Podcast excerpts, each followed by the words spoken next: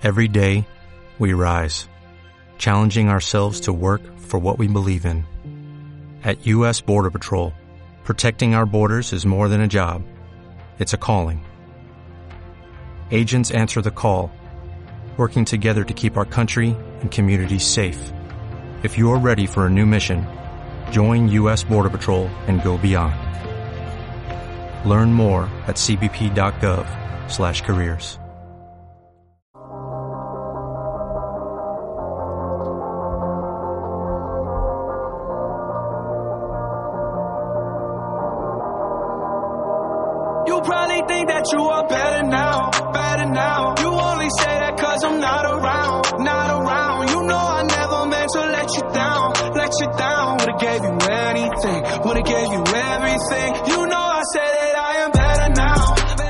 Bona tarda, són les 8, benvinguts al primer programa de...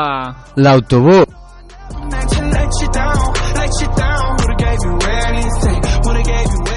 Esteu escoltant Ubic Ràdio i com cada dilluns ens acompanyen l'Adrià Oliveres, Bona tarda. Fernando Vallespín, Buenas tardes. Aniol Puigvert, Bona tarda. Brian Caral Bona tarda. i Òscar Grau. Bona tarda. A la tècnica tenim l'Àxel Boada. Bona tarda, Àxel. Hola, bona tarda. I qui us parla, Jan Montpin. Comencem. Looking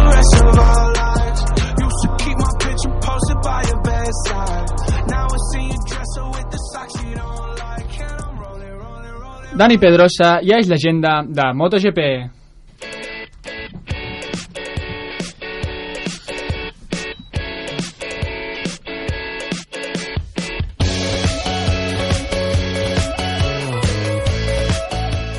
Bé, nosaltres comencem parlant de la Premier League amb l'Adrià Oliveres, no sense abans recordar als nostres oients que ens poden seguir a Twitter i a Instagram a arroba l'autobús i amb el hashtag l'autobús, tot junt. Ara sí. Adrià, què ens portes avui? Què tenim? Bueno, no, al no haver-hi jornada tenim diverses notícies a destacar, això sí. Primer de tot que el Fulham acomiada Jokanovic i fitxa Ranieri. Ranieri s'estrenarà a la banqueta del Fulham contra el Southampton el dissabte. El Chelsea podria ser castigat durant dos anys sense fitxar. S'estan examinant 19 transferències on 14 d'elles són jugadors de menors d'edat. Nasri, ex del Sevilla i del City, s'entrena amb el West Ham, però només està de proves. I els clubs de la Premier acorden introduir el VAR per la temporada vinent.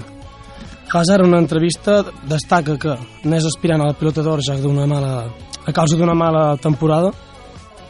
Julio Plagozuelo, després de debutar, confessa que volia sentar-se a la Premier i que està molt content per l'oportunitat que li dona Emery amb l'Arsenal i una llegenda del United, Veron, deia que el City tenia una idea de joc i el United i des del United de Ferguson no se'n veu una en el United. I això es veu a les últimes temporades. Molt bé, i la setmana que ve torna, aquest cap de setmana que ve torna a la Premier, no? Quins, quins partits poden destacar aquesta setmana? Doncs el Fulham de que s'estrenarà contra el Southampton, com he dit abans, Watford, Liverpool, West Ham, Manchester City, United, Crystal Palace, Everton, Cardiff City, Tottenham, Chelsea, bon partit, Bournemouth, Arsenal i Wolves, Huddersfield Town. Molt bé, estarem molt atents, per tant, a com va evolucionant la, la Premier League i en parlarem la setmana que ve. Seguim amb el Fernando Vallespín. Bon dia, Fernando. I fot-li, Axel. Som-hi amb el club.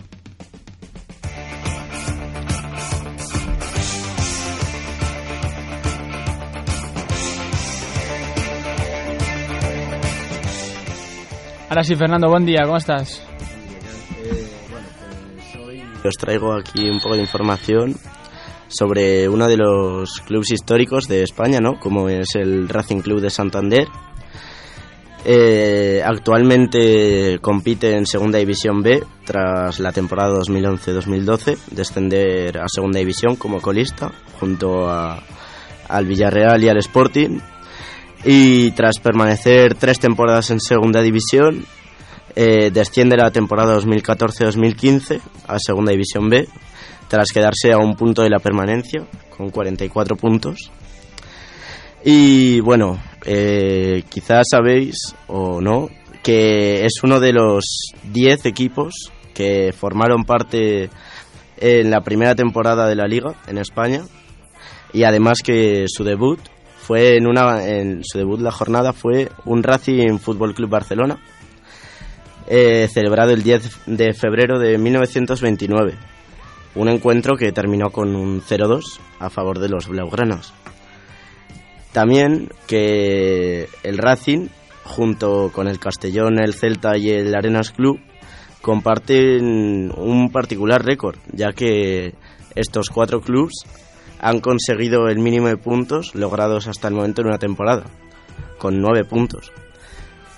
Eh, habría que, que también decir a su favor que cuando este récord fue conseguido por los cuatro clubes, en las jornadas por victoria te daban dos puntos y no existían los 20 equipos que hay ahora. De hecho, el Racing consiguió estos nueve puntos eh, esta primera temporada, eh, la de 1929. También eh, el Racing comparte un récord con el Athletic Club, ya que en la temporada 1932-1933 eh, se, se participa en el encuentro con más goles de la liga hasta el momento, con 14. El partido acabó 9-5 a favor del Athletic Club. Este encuentro fue la jornada 11 de la 32-33. Sembla que el Racing acumula uns quants rècords negatius, no? Està participant a totes les estadístiques, però totes de forma negativa. Pues sí, eh, Jan. eh, además, o sea, tiene muchos más récords. Por ejemplo, participó en el primer encuentro televisado de España. Eh, este partido enfrentaba al Real Madrid contra el Racing en el Santiago Bernabéu. Fue el año 54-55, en la jornada 7, y el partido acabó también con un favor o con un resultado a favor del conjunto blanco. Fue un 3-0 a favor del conjunto de Chamartín. I sabem si aquest partit estava retransmès o només eren imatges, perquè allà al l'any 1954 eh, la realització devia ser precària, no? Sí, sí. Pero fue el primer partido televisado en España, eso sí, no, no en el mundo.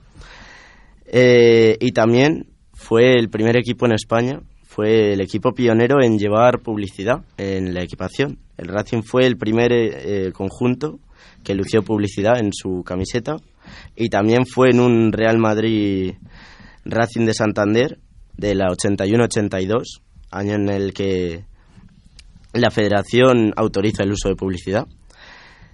Eh, este partido se celebraba el 27 de diciembre y acabó con un 4-0 a favor del Real Madrid. Es decir, en ninguno de los récords o datos curiosos que, que el Racing almacena, pues ninguno se podría decir que es a favor. A cap és positiu, no? La veritat és que no. pero sin embargo, de los sesenta y pico equipos que han participado en la liga, el Racing estaría el 14 en la clasificación histórica. Ostres, o sigui que no es mereix estar on és. Bueno, No, el no, Racing no, es un histórico de primeras. Sí, és un equip històric de primera que actualment no està passant pel seu, pel seu millor equip, però bueno, fa, fa no gaires anys estava, estava a primera disputant amb, amb, amb tota la resta d'equips a la primera divisió, no? Sí. Molt bé, tenim alguna dada més curiosa del Racing? Pues no, esto sería todo por esta semana. Molt bé, doncs passem a Penyes.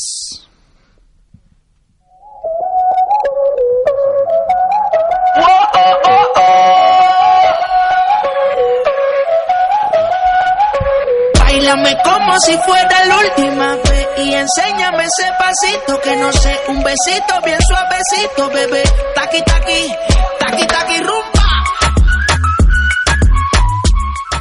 Amb l'Aniol Puigverd. Com estàs, Aniol? Bona tarda. Bona tarda, Jan. Què ens portes avui? Avui parlarem, doncs, de que el dissabte 24 de novembre torna el derbi o el clàssic, el superclàssic d'Argentina, el River Boca Juniors. Com Tenim sabem, el, el desenllaç de la Copa Libertadores, no? Efectivament. Que està empatat a dos a l'anada efectivament. i tenim la tornada, molt bé. Ens Sí. pots explicar? Bueno, com he dit abans, el dissabte 24, a les 9 del vespre, tornarà el partit més important, tant per Argentina com per molta altra gent de tot el món. Recordar que, com, han dit, com has dit tu, Jan, a la bombonera va haver el resultat de 2 a 2 en un partit interessantíssim, en un partit interessantíssim, i ara tocarà passar comptes al Monumental, amb un ambient també espectacular, no?, com sol ser en, en aquests clàssics d'Argentina. Bueno, si Argentina, una, o sigui, una cosa el caracteritza són els, els ambients que es formen als camps de futbol, no? la forma com es viu. Efectivament. I no serà menys perquè posarem tant el River com el Boca en un, en un mateix paquet, no? Parlarem tant de l'afició del River Plate com de l'afició del Boca Juniors. Començant, doncs, per al River. El River es figura de la sisena posició com, com a equip amb més socis de tot el món. Primer és el Futbol Club Barcelona i després el sisè és el River, amb 121.000 socis. Són bastants. Um, el 8 d'octubre els, els hinxes, els suporters de River Plate uh, tenen un rècord Guinness que van fer la bandera més llarga de 7 quilòmetres Mira, que prengui el Racing. Eh? Això sí Mm. que és un rècord positiu. efectivament i bueno, uh, cal esmentar doncs, que els equips argentins solen rebre també un sobrenom ja sigui per diferents qüestions i el sobrenom del River és Millonarios i la seva hinxada també se, se l'esmenta així perquè es veu que en uns es van gastar moltíssims diners en alguns fitxatges i en, en, en coses doncs, que no se'n sap molt bé què és, no? I finalment dir que ja tenen filials, com, com molts equips, no? tenen diferents espanyes repartides pel món i River Plate té filials de Santa Fe, a Tucumán, Espanya, Israel, Itàlia, a molts llocs de tot el món. Molt bé, el partit es juga dissabte, si no m'erro, no? Dissabte, A quina, 24, a quina hora és el partit? a les 9 del vespre. I el fan per la televisió? Sí, no? Sí, El sí, fan sí, com, sí. com la, suposo que per Gol TV. No, no el fan per Gol TV, em sembla que el fan per el Movistar, és per el hashtag Movistar. Vamos. Sí, és pel Movistar, però llàstima que coincideix amb l'Atlètic de Sí, Madrid-Barça també. coincideix a l'horari amb el... Hi ha dos partidassos a Bueno, la història. estarem, estarem amb la doble tele allà Sí, efectivament. Seguint a Sago i la setmana que ve en parlarem. Molt bé, alguna curiositat més de les, de les aficions argentines que ens puguis Bueno, ara, com hem dit, ara he parlat del River Plate i ara toca parlar de l'altre equip de la ciutat, del Boca Juniors. És el club amb més panyes en tot el país d'Argentina, 269 panyes repartides per Argentina. O sigui, té, té diferents filials en 21 de les 23 comunitats d'Argentina, que és dir bastant, no? Um, res, finalment, doncs això és que... Um, no només... Uh, no només tenen filials argentines, sinó que com els altres equips que hem dit abans tenen filials tant per Espanya repartides per tot el món, no? És, és tot el que podríem dir de les, de les diferents aficions. Molt bé, un partit que segur es viurà amb molta intensitat a Argentina i a la resta del món. Un partit del que estarem molt pendents, malgrat hi hagi l'Atlético Barça també superposat i, i com he dit abans, en, en parlarem. Molt bé, doncs, havent fet un repàs a les penyes argentines, anem ara amb la següent secció. Anem amb el Brian, Cantarans pel món.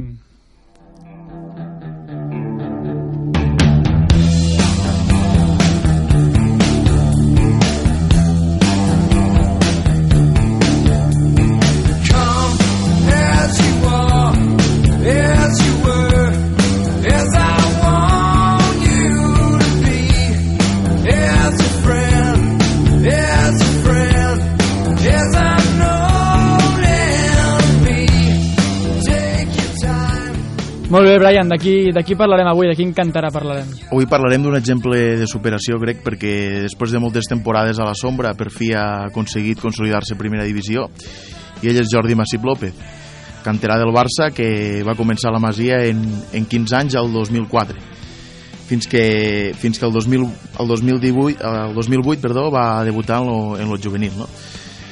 Des d'aquell moment, eh, aquella temporada també va ser suplent perquè tenia de titular a, a, a Miño, no? La temporada 2008 és la primera que, que, el, que el cedeixen, lo cedeixen a la Unió Esportiva Vilajuija, un equip de, de l'Alta Empordà de tercera divisió, i bé, malauradament l'equip baixa a primera catalana i desapareix també per, per problemes econòmics. El 2010 a, el 2009 a la tornada al Barça està a l'ombra de, de Rubén Miño i i Oyer Olazábal, però aquella temporada eh, és, la primer, és la temporada que, que Jordi Massip debuta a la segona B en un duel contra, contra el València Mestalla. Aquella mateixa temporada, a les ordres de Luis Enrique, hi ha un partit històric eh, a Sant Andreu on, on el Barça va fer valdre l'1-0 de l'anada al ministadi i va pujar a la segona divisió després de, de 18 anys sense, sense ser-hi el filial. Aquella temporada, la, do, la 2010-2011, Luis Enrique fa una rotació poc habitual, tenia tres porters i fa jugar els tres per igual. Eh, els tres porters eren Miño, Oyer i Massip. Cada un d'ells juga 14 partits. Una temporada històrica perquè és l'única temporada a segona divisió on el, on el Barça fa 71 punts i té el, el pitxitxi de- d'aquella temporada, Jonathan Soriano, eh, va marcar ni més que menys 32 gols. Bueno, si no m'equivoco, aquesta temporada el Barça acaba tercer, no? Que hagués jugat la promoció d'ascens a Queda primera tercer. divisió. Queda tercer fent 71 punts, crec que només lo supera l'e- l'Eibar i ara mateix no me'n recordo qui, però sí. Bueno, per tant, un, una gran temporada pel futbol base del Barça i amb, Llàstima que ha tingut poc eh, poca influència en el primer equip perquè posteriorment els jugadors eh, diguem-ne que estan bastant Bueno, va ser, va ser una, una bona generació, no? però que es va trobar amb un tap eh, Sí, al primer equip sí, clar. i va, va costar fer, fer el salt. Tot i així, hi ha alguns molt bons jugadors que, que han pogut buscar fortuna fora, Sí, la majoria fora, estan fora jugant. del Barça, clar, la estan majoria s'han jugant hagut de, primera. de buscar la vida, no? Molt bé. Sí, eh, la següent temporada, la 11-12, hi ha, una, hi, ha una, hi ha un canvi a la banqueta de, del Barça B després de, de 3 anys i, i l'agafa Eusebio Sacristán, actual entrenador de, del Girona. I bé, Jordi Massip tampoc té la sort de jugar perquè eh, Oyer està, està davant la, la temporada 12-13 juga la meitat de partits i, i bé, no és fins la temporada 13-14 que, que es consolida i aquella temporada fa una temporada espectacular, diguem-ne, perquè se torna a igualar el tercer lloc a la taula a, a segona divisió. L'estiu l'estiu del 2014 ja el Barça el renova per tres temporades i, i va a la gira per darrere de Claudio Bravo i Marc-André Ter Stegen però bé, la participació davant d'aquests dos porterassos va ser també molt mínima i es limita a un partit de, de 700 de final contra un segona B. Aquella temporada el Bar sí que debuta a la Lliga, a primera divisió, a l'últim partit on el Barça ja havia sigut campió de Lliga, un partit recordat per la despedida de, de Javi Hernández, que acaba en 2 a 2 eh, amb, el, amb el Deportivo. El Deportivo aquell partit necessitava empatar per a, per a salvar-se i, i bé, ho aconsegueix després de- d'igualar un 2 a 0 al Camp Nou. Tots, tots contents, per tant, en aquell partit. Sí, aquell partit sempre hi ha hagut algo de suspicàcia i bé, no s'ha sapigut, no s'ha investigat més, però no es pot descartar. Les dues següents temporades pràcticament també torna a estar a l'ombra i no és fins que se li acaba el contracte l'estiu passat, el 2017, que fitxa pel, pel Real Valladolid i es consolida com a titular, ho juga absolutament tot, juga també el playoff per, i l'equip puja a primera divisió eh, amb el duel contra l'Sporting. La següent temporada, eh, o sigui, en l'actual temporada, vull dir, eh, se porten 12 jornades i el segon porter menys golejat només li han marcat 9 gols i, i és el segon de la classificació del Zamora, no? Només té davant Oblak en, en 8 gols encaixats. Per posar en valor això, el Barça ha encaixat di- 18 gols, el doble de, de gols que el Valladolid. O sigui, està fent molt bona temporada ell i també, sobretot, la defensa del Valladolid, que, que la veritat que té una defensa que, que és molt difícil marcar-li. Bueno, per tant, podem dir que Jordi Massip és, és una persona que ha treballat molt en l'ombra, no? que s'ha hagut, de, hagut de currar i ha hagut de picar molta pedra, que li ha arribat per, per sort i, i per fi la, la maduresa futbolística i la possibilitat de, de triomfar en un equip i també amb l'adquisició de, de Ronaldo, el, el gran Sí. Ronaldo, uh, del 51% de les accions del, del Valladolid que, que sembla que aquest equip ha pogut tenir una nova vida, no? amb Jordi Massip a la porteria fent, fent números, promitjant números molt bons de, de porter d'èlit i, i bé, molt contents per Jordi Massip i des d'aquí el seguirem molt a prop i res, estarem, estarem molt pendents de com, de com evoluciona. Havent parlat de Jordi Massip, eh, anem a fer un repàs de l'actualitat esportiva en els altres aspectes. Som-hi amb el poliesportiu.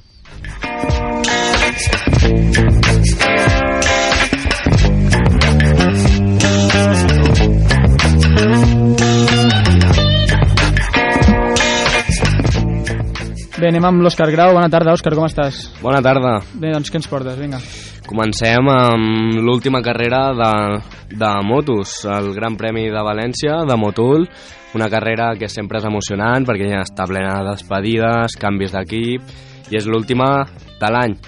Però, igualment, la carrera ha estat a l'altura perquè bueno, les carreres han estat a l'altura perquè han estat molt boges degut a la, meteor la meteorologia.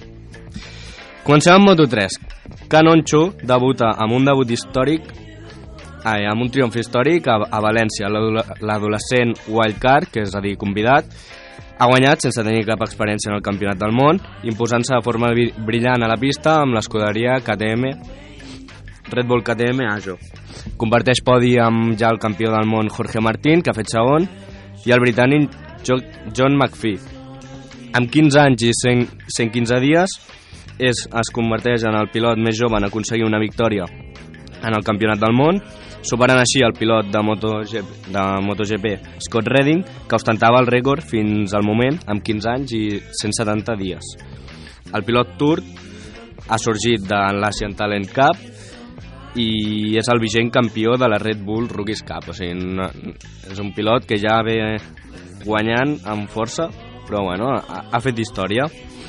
En Moto2 seguim amb, amb l'escuderia Red Bull KTM Ajo, perquè Miguel Oliveira es despedeix de la temporada amb una victòria a la fuga, havent sortit des de la quarta posició, i, i el podi el completen el suís Iker Leukona, que ha aconseguit el seu primer podi, i Àlex Márquez, que ha quedat tercer.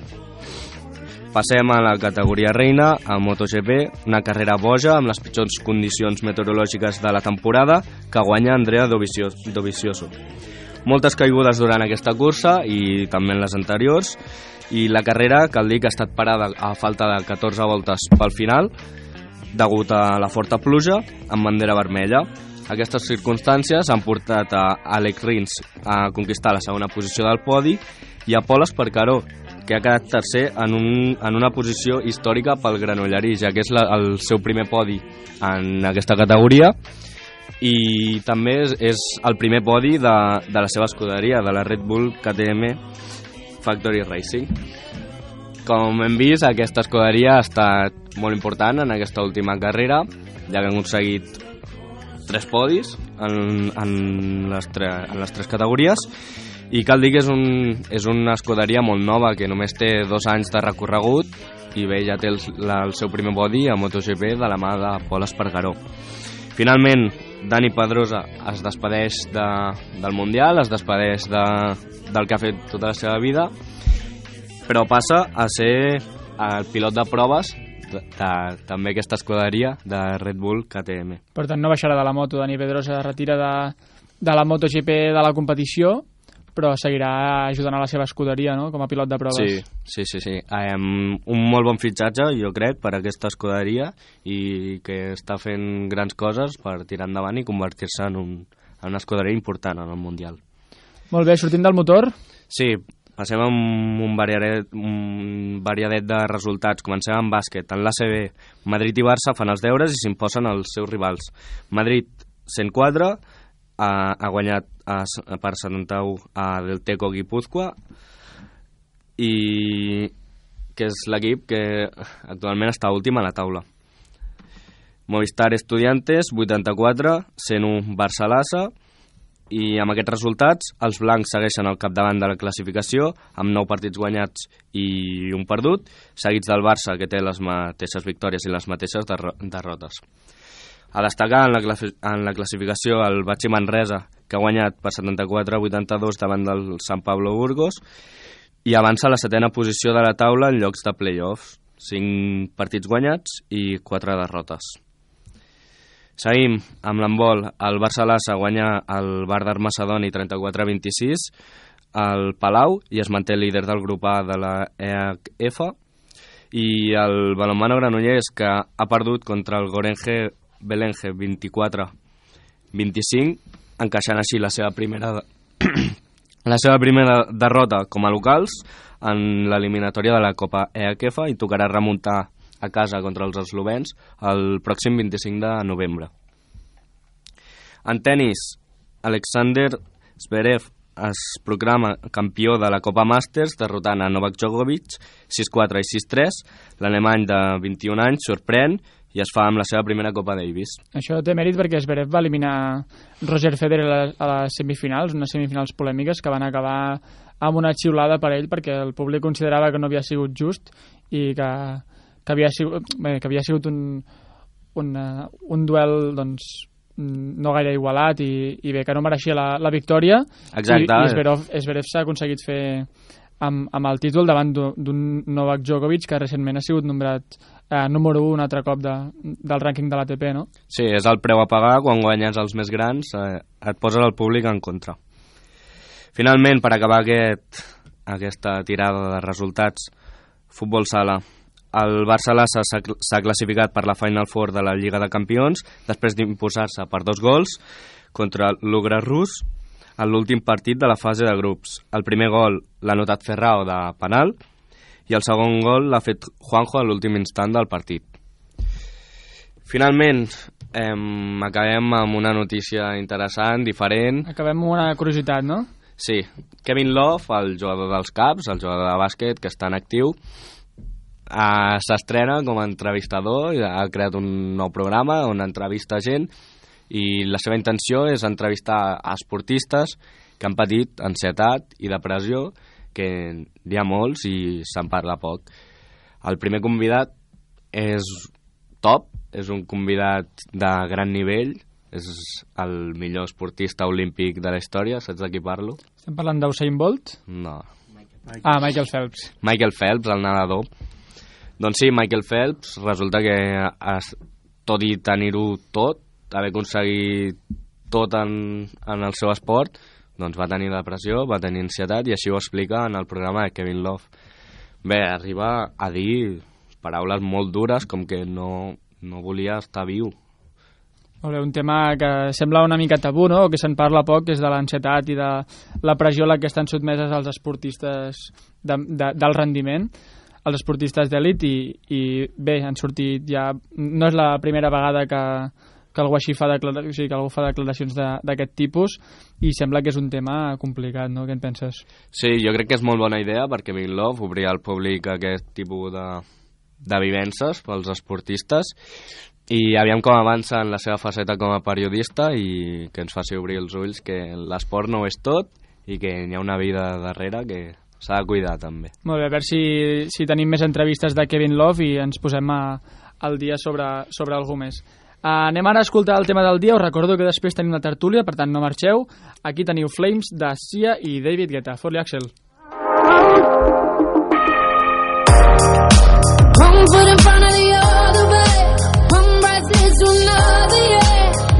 One.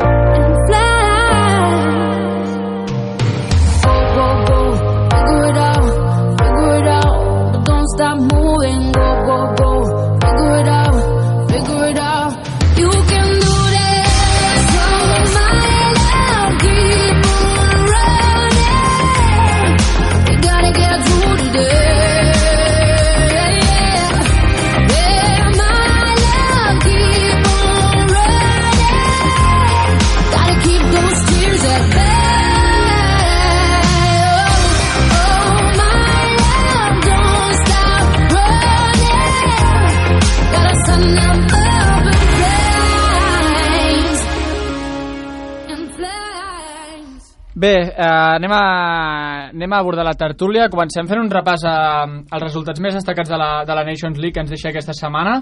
Tenim per una banda el Croàcia 3, Espanya 2, amb gols de Kramaric, dos gols de Jetbike per part de Croàcia i Ceballos i Ramos.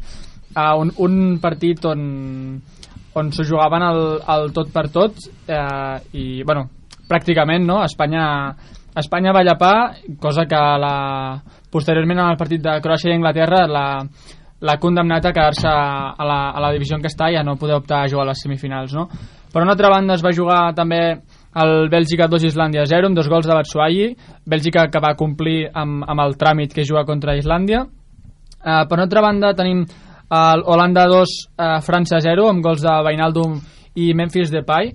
Un partit en què la selecció holandesa es va posar a les piles va atropellar literalment a la selecció francesa que, que va tenir poc a fer um, tot i que l'últim gol de Depay arriba doncs, en el temps de descompte i de penal però un partit molt seriós dels holandesos que poca gent s'esperava no? que, que poguessin plantar-li cara a, a la campiona del món i així va ser i un altre resultat destacat que, que portem és el Itàlia 0 Portugal 0 amb domini d'Itàlia i, i màximes ocasions per Itàlia més que Portugal però un partit on, on hi va haver molts pocs xuts a porteria, va ser un partit bastant avorridot. Això sí cal destacar que Itàlia va tenir un, un 70% de la possessió. Per una altra banda i, i jugats ja aquest cap de setmana tenim l'Anglaterra 2, Croàcia 1 amb gols de Linger i Kane per Anglaterra i Kramaric per, per Croàcia. Un partit en què s'avancen els croates els visitants, però Anglaterra remunta l'últim quart d'hora. Aquest partit sí que era vida o mort. Eh, jugaven quin dels, dos, quin dels dos equips passava a la fase final de, de la Nations League i partit que va resoldre Anglaterra tirant de, tirant d'estadi, d'afició i, i una mica la èpica, no? fent així amb la primera posició del grup i, i això ara s'ha classificat per les semifinals que, que jugaran al juny. Per altra banda, i jugat ahir diumenge al vespre, tenim el Suïssa 5, Bèlgica 2, un resultat sorprenent, amb gols de Rodríguez, 3 de Seferovic i d'Elvedi per part de Suïssa, i dos gols de Torgan Hazard, el, el germà d'Eden Hazard, jugador del Chelsea. Remuntada de Suïssa que perdia 0-2 al minut 17 i necessitava 4 gols per guanyar en el, en el gol a Veràs, doncs en va fer 5 i, i no ha apurat precisament ja que al minut 64 ja els havia fet els 4 i l'últim arriba al minut 84 que és com la més a més no? per tant, tenim els, els grups resolts a la Lliga A en el grup 1 eh, Holanda s'ho juga tot contra Alemanya que ja està descendida al, a la Lliga B eh, avui a, a tres quarts. O sigui d'aquí 12 minuts d'aquí 13 minuts juga Holanda contra Alemanya. Si els holandesos aconsegueixen guanyar tindrien 9 punts dos més que França que en té 7 per altra banda, al grup 2 tenim a Suïssa classificada, a Bèlgica que manté la categoria i descendeix a eh, Islàndia a la, a la Lliga B. Bé, una mica l'esperat que descendeixi Islàndia, però Bèlgica i Suïssa doncs, potser tots haguéssim apostat que canviaven les, les posicions. Al grup 3 tenim Portugal que juga contra Polònia demà dimarts a, la, a tres quarts de nou, ja té la feina feta i està classificada per les semifinals, en, en un grup que Itàlia manté la categoria i Polònia doncs, descendeix a la, a la Lliga B en probablement el grup més fluix d'aquest grup 3 i el que ha donat menys joc. I per últim, el grup 4, Anglaterra amb la victòria d'ahir es classifica per les semifinals, Espanya manté la categoria a la Lliga A i Croàcia baixa a la Lliga B. La resta de grups i partits queden per resoldre, eh, jugant demà dimarts a, a tres quarts de nou com, com Portugal i, i, i bé, hem, hem destacat els més rellevants. Els pròxims esdeveniments de la Nations League són que al desembre pels que no ho sàpiguen, es designa una, un país anfitrió de les semifinals i de la final del campionat a sorteig entre les quatre seleccions classificades. Uh, al juny es disputaran les semis i, i a la final a, en el lloc decidit. Uh, bé, ara sí dono la paraula als meus companys. Comencem amb aquest Croàcia 3, Espanya 2 d'aquesta última setmana. Uh, com, el, com el vam veure?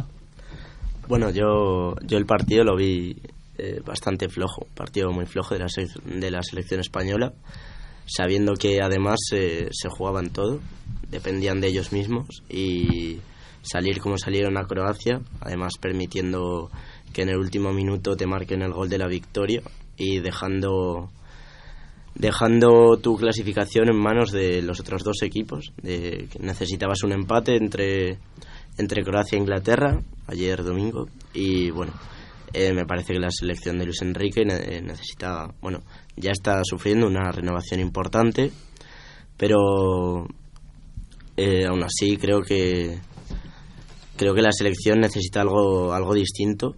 Necesita de jugadores que quizá tiren más del carro no ya que por ejemplo no sé jugadores como Morata Asensio que deberían destacar no lo están haciendo pues una en la siguiente convocatoria que se que se haga una renovación más importante. Y bueno también ayer el partido contra Bosnia me pareció un partido que era o sea tenías ese partido para decir bueno que se vea que ha sido un error fue un error lo de lo del jueves contra Croacia fue un error también lo de Inglaterra en el Villamarín. Y a partir de, de hoy en- en- contra contra Bosnia ya sí que vamos a ser la España definitiva Bueno, com, com donar un cop sobre la taula i dir, escolta, que aquí estem, ha sigut una relliscada i tornem a començar de nou, no? Una Sí, però tot i ser un partit amistós no, no vaig veure ganes de... No, no. Va ser un partit que contra Bòsnia, un equip bastant inferior a Espanya, que Espanya no va, no va fer partit pa, la veritat, per canviar de canal era el partit. España necesitaba hacer un partido un partido bueno, pero hizo un partido realmente aburrido, que te daban ganas, como ha dicho nuestro compañero Brian, de cambiar de canal. Y bueno, eh, veremos ahora los cambios que se hacen, ¿no? Respecto a la siguiente convocatoria y veremos a ver cómo conduce esta situación Luis Enrique. Té feina, per tant, Luis Enrique. Sí, crec Eh, que la següent ja és l'any que ve, no? Ja no hi ha paron ara ja. Sí, no, Sí, ara, ara ja està. Ja està. Ara, Ja ara queda, queda aquest mal gust de boca Sí. per, per la selecció espanyola, que bé, que és veritat que té, té molta feina a fer. Passem a l'altre partit interessant de la, de la jornada i precisament del grup d'Espanya, aquest Anglaterra 2, Croàcia 1. Uh, com el veu veure aquest partit? Partit molt interessant i jo crec que si el partit hagués quedat en empat, cosa que donava la classificació a Espanya, totalment seria immerescut. Jo crec que Espanya, tal com estan dient els meus companys, amb el joc que està fent no es mereixia passar a la següent fase. I bé, amb el gol de Harry Kane al final del partit, doncs dona la classificació pels, pels britànics merescuda, una selecció que ha fet bastant bon mundial i ja veiem com queda aquesta final de d'aquest nou torneig i, i ja veiem on ens porta això Bé, potser una mica el que és immerescut és que Croàcia descendeixi a la Lliga B no? en un grup que qualsevol dels tres hagués sigut complicat. No, clar, Croàcia després del Mundial que va fer i ara ben baixat, doncs no, no, dic, no li caldrà renovació per tal, tal i com estan jugant, però és una llàstima que baixin ells, però mira, s'ha donat la circumstància i és el que toca.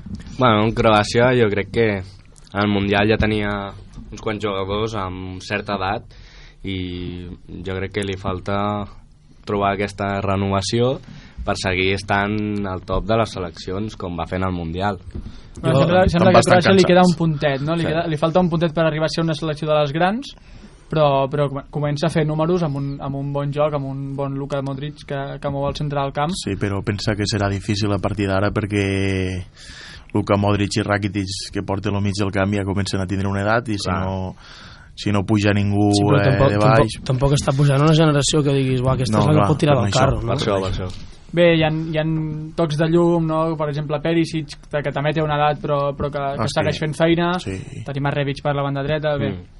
Veurem què, què n'és de, què n'és de Croàcia.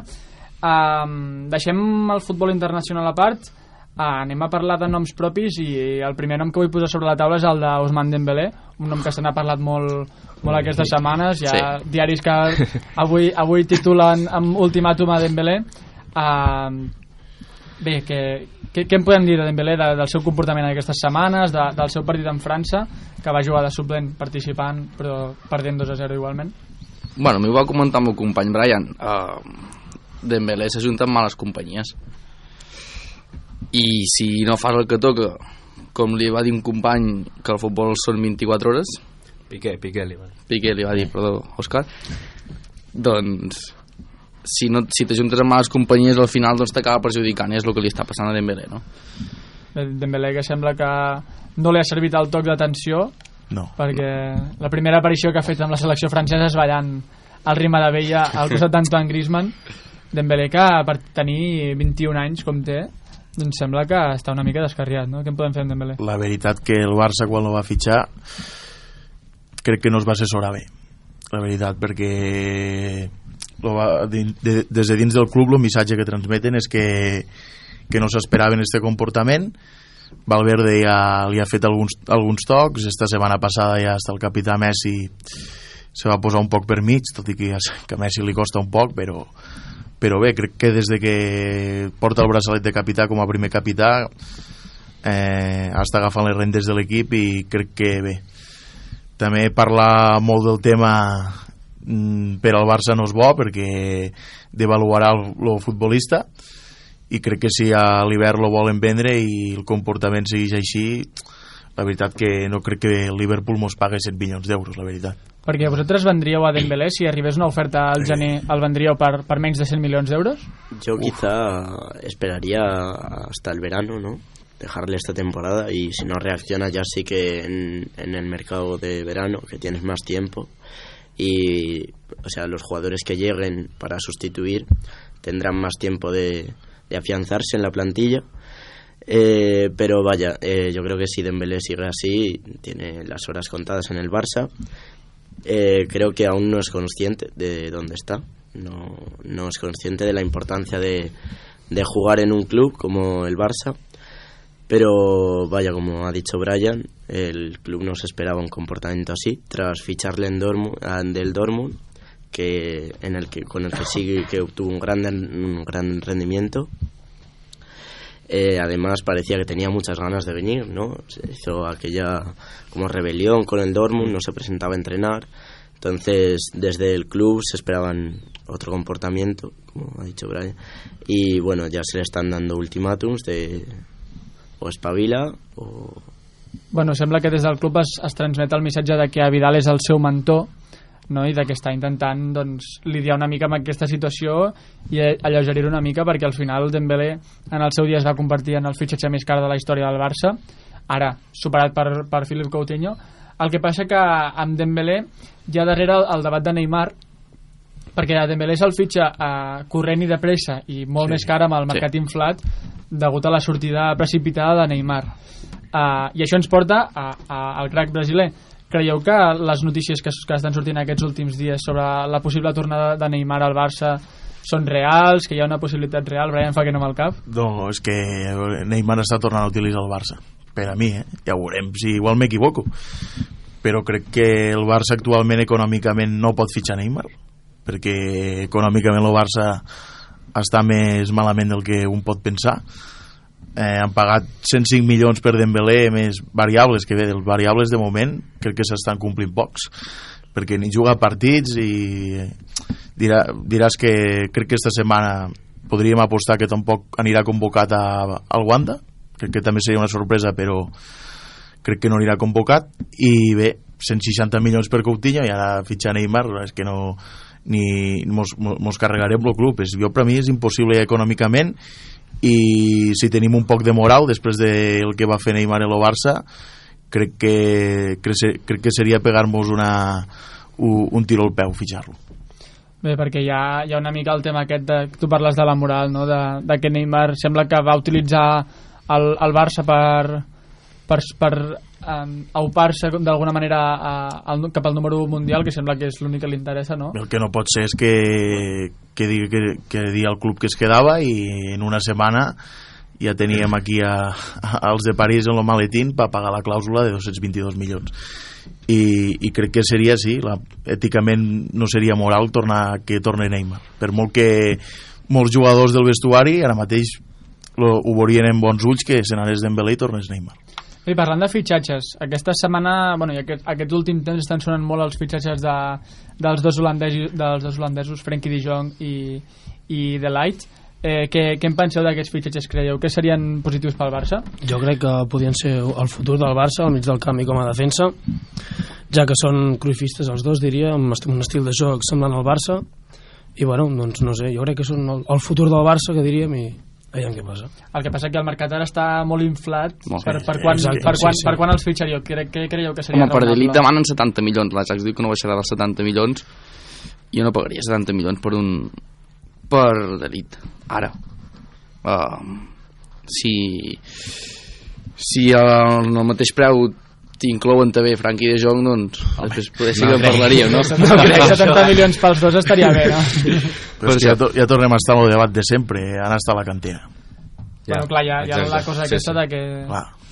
No, però un central li, li aniria superbé el Barça. Sí, no, que- Vermaelen acaba contracte y no, no, lo renovará. no pero, renovará. Y también se dice de, de vender a Rakitic, ¿no? De, No, crec. No, a Rakitic. va. Rakitic Sempre- a estos dos. Sembla que Cada estiu surt ja- Rakitic. Sí, cada, cada estiu Rakitic surt. Igual, aquest estiu havia de venir Pogba a marxar Rakitic. I, No, sí, i eh, bueno. es va comentar, es va comentar. Lo de Pogba, bueno, un rumor i ara també, bueno, abans he llegit que, que sembla que Guardiola també vol a De, a de Jong, crec que hi haurà una, una subhasta i si hi ha una subhasta al Barça No té res a fer. no, sí, o si ven algú però si ven a Rakitic o ven a algun jugador no, però bé, Rakitic cada estiu lo tenen que vendre i resulta que la següent temporada cada temporada és titular o Però sigui, vosaltres vendríeu a Rakitic per fitxar De Jong?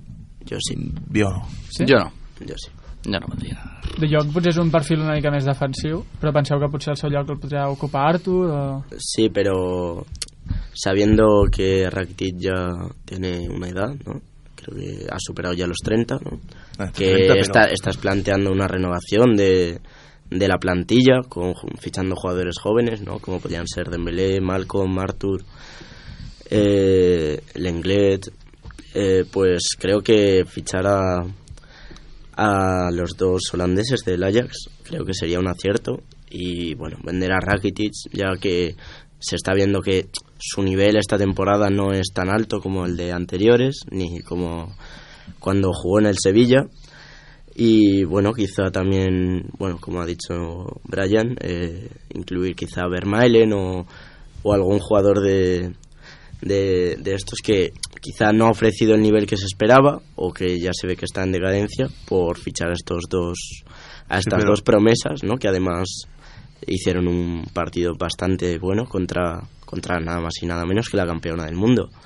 Con lo cual yo sí que vería con buenos ojos la, la venta de Rakitic por i és Vermaelen, Fernando però per Vermaelen recorda que no, Ja. el Barça no veurà ni un euro Aniol, Aniol fa No. que no. Què penses, Aniol, que potser s'hauria de donar més sortida a la cantera, que no és necessari fitxar ara o, o prescindir de Rakitic? Què, què penses? Jo no, jo no vendria Rakitic. Eh, Pel pes que ell té a l'equip ara, no? Efectivament. Bé, sembla que fa un parell d'anys amb, amb l'arribada de Valverde Rakitic s'ha instal·lat al costat de Busquets i que, i que això aporta molt, molt equilibri a un mig del camp. Sovint desequilibrat per Dembélé i Coutinho a les bandes. No, potser, potser la solució no és vendre Rakitic o potser és una, una opció de risc no? uh, bé uh, seguirem de prop això, aquests temes. Uh, volem, vull fer una mica més de, de, d'importància a Rakitic no? perquè s'ha lesionat eh, té, una, Sí. té una elongació liscotibial de la cama dreta estarà unes dues tres setmanes lesionat de totes maneres tampoc podia jugar al Wanda dissabte contra l'Atlético perquè estava sancionat eh, penseu que últimament Rakitic està, està oferint un bon rendiment creu que li anirà no. bé aquest no. descans perquè entri pues, Rafinha entri eh, novament Arthur què, què penseu? Bueno, jo ficaria Sergio Roberto, ja que sempre el fiquem de lateral i llavors li, li costa, i ficaria Sergio Roberto al mig del camp i Arturo Vidal sí que has ficar-lo a les segones parts com estem fent fins ara. però hem, de- hem de veure si Valverde vol apostar per Semedo que aquesta és la Perquè- cosa de ficar Sergio Roberto al mig del no, camp no? Claro, siendo realista, sabiendo lo conservador que es Valverde, yo apostaría por Arturo Vidal eh, supliendo el sitio de Rakitic. el Wanda, Arturo Vidal sí, Sí, sí. Jo també estic bastant d'acord amb aquesta Sí. afirmació, perquè penso que Arturo Vidal és sempre el recanvi quan, quan es necessita múscul i, i força al mig del camp, no? Un recurs que sempre utilitza Valverde. Què penseu de que Valverde faci sempre els mateixos canvis i de que sigui una plantilla pràcticament de 14 jugadors sense oportunitat per, per al Semedo quan no acaben de funcionar, pels Malcolm que el té pràcticament abandonat, Denis Suárez que, que ja com ja comença a sortir va. que, sí. què, què penseu de que Valverde sigui tan conservador? Creieu que això va una mica lligat a la filosofia Barça mm, o que és totalment al contrari? Què, què opineu? Bé, la veritat que és una pregunta difícil, eh, també.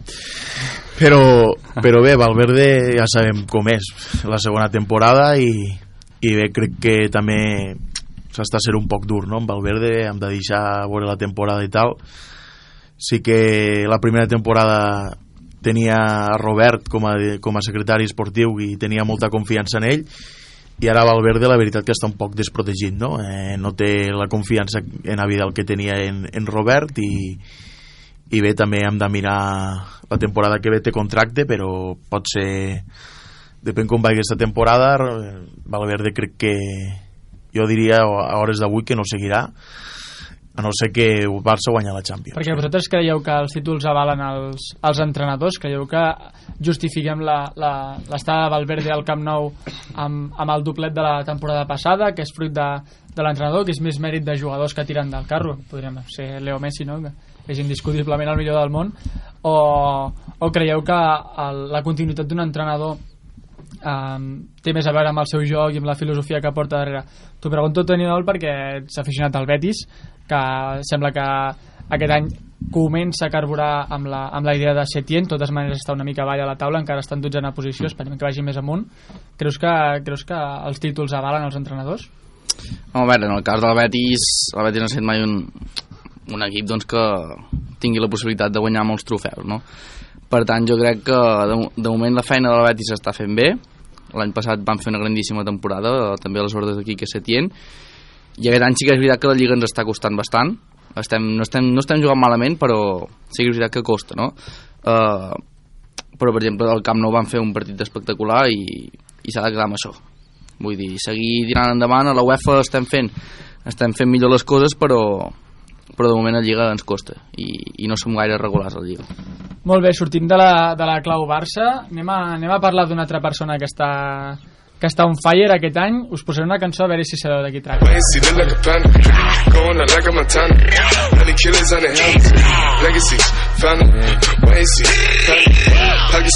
the Danny. Selling ball, candy. Man on the macho like Randy. The chopper go out for granted. This nigga bullet, you bandit. The Eh, sabeu de qui, de qui parlem? No, no contesteu, no contesteu, que ens ho dirà ell mateix. Fot-li el segon.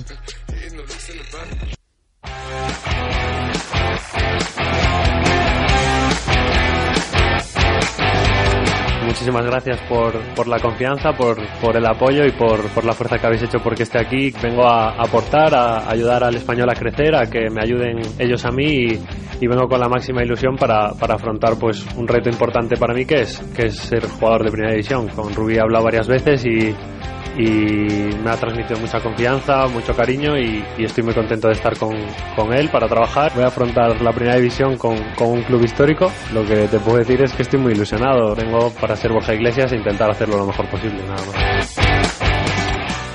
Bé, efectivament, ens ho ha dit ell, parlem de Borja Iglesias, el Panda. Eh, us dono quatre dades i ara en parlem, vale? Uh, Borja Iglesias porta 7 gols en aquesta, en aquesta lliga en, en 12 partits. 7 gols i dues assistències. És cinquè a la, al rànquing del Pichichi, empatat amb Andrés Silva del, del, del, del Sevilla, i actualment tot l'Espanyol porta 16 gols, per tant, 7 són seus i dues assistències, això sumen un total de 9. Eh, creieu que ha d'anar convocat amb la, amb la pròxima convocatòria de Luis Enrique? Creieu que és una, una absència? I què, què, què penseu del Panda? Creieu que és un pilar bàsic d'aquest nou espanyol? abans que Morata segur, no? però crec que també hauria d'anar abans Paco Alcácer Bé, sí. uh, sem sembla, que, sembla que amb l'arribada de Rubi a l'Espanyol té, té una nova cara, no? Aquest espanyol pinta bé. Creus que durarà tota la lliga, això, Adrià? Bueno, eh, esperem que sí, esperem que a final de temporada arribem forts i seguim forts ara en, en el que ve de temporada i bé, no, veurem. O sigui que el Panda ens està ajudant molt, eh, ens crea moltes ocasions, ens fa els gols, ens dona assistències, eh, treballa per l'equip, baixa, puja, bueno, fa moltes coses que, que ens ajuden i, i que va bé. Adrià, eh, Darder arriba al derbi a... o no? Bueno, esperem que sí, veurem les proves que diuen, si li donen l'alta dos dies abans, la, el mateix dia de partit, veurem. Eh, està per Una peça decidir. clau, eh? Darder peça clau al mig del camp, a Marroc. Bé, sembla que, sembla que l'haguem descobert aquest any a Borja Iglesias, però a Saragossa fa molts anys que el coneixen. Uh, va estar una temporada jugant al Saragossa, però, però ja va destacar, no? Només en veure un parell de partits ja es veia que aquest noi no aspirava a alguna més, no? Sí, Que- bueno, eh, la temporada pasada llegó, llegó al Zaragoza, cedido del Celta de Vigo. Y bueno, la verdad es que realizó una gran temporada, marcando 22 goles, eh, siendo de, o sea, quedando arriba de la tabla de los Pichichis y bueno, llevando hasta el Zaragoza a, a los playoffs.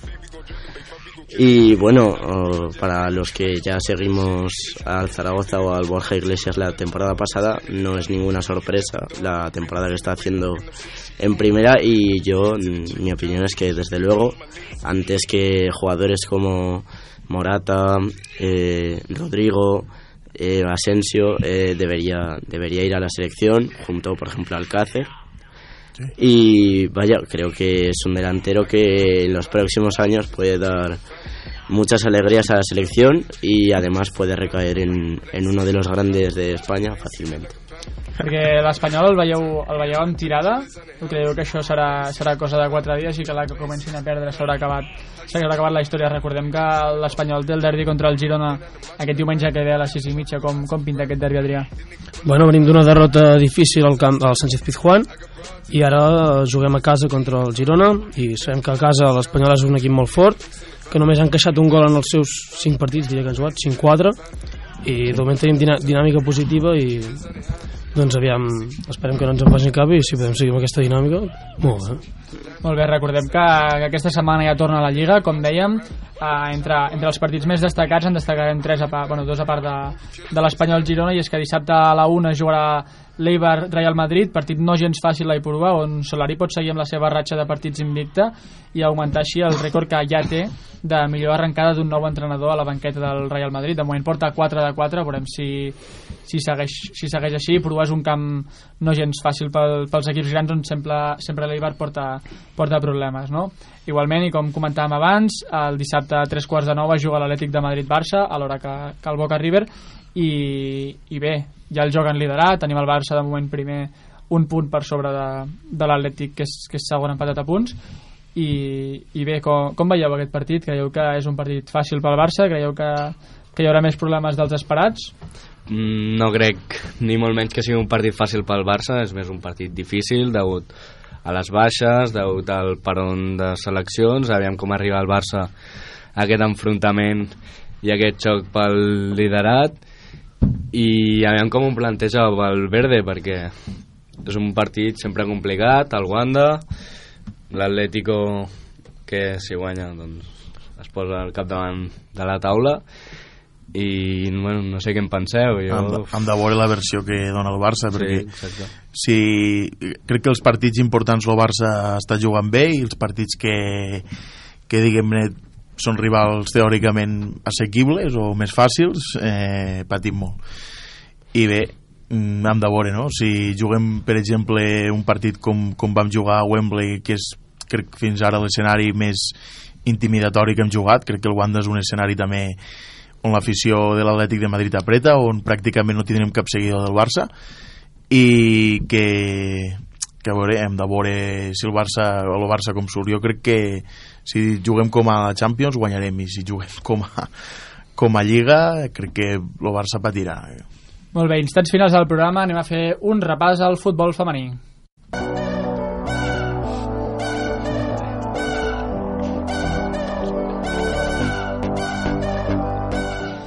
Bé, resultats d'aquest cap de setmana que ha aturat la Lliga Iberdrola després d'un peron també per seleccions. Hem deixat els següents resultats en els equips catalans.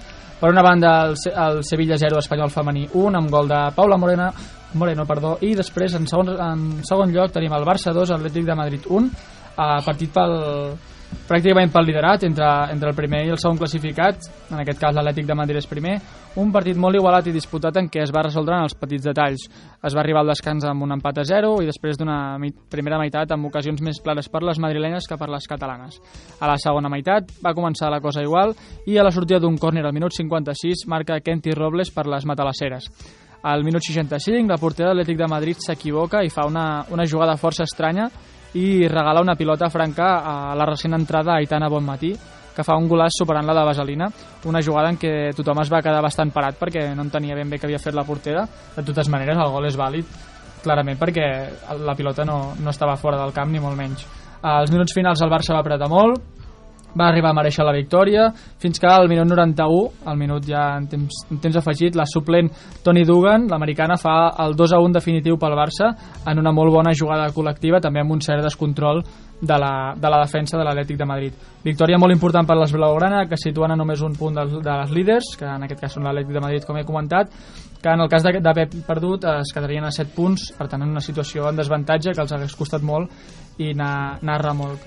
L'Espanyol, per, a, per la seva banda, comença a treure el cap a la classificació, a situar en onzena posició de, de 16, i, i bé, això és tot del, del futbol femení.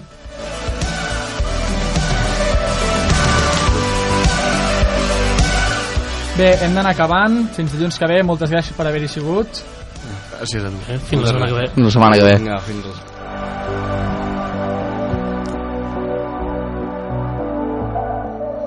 Heu escoltat l'autobús.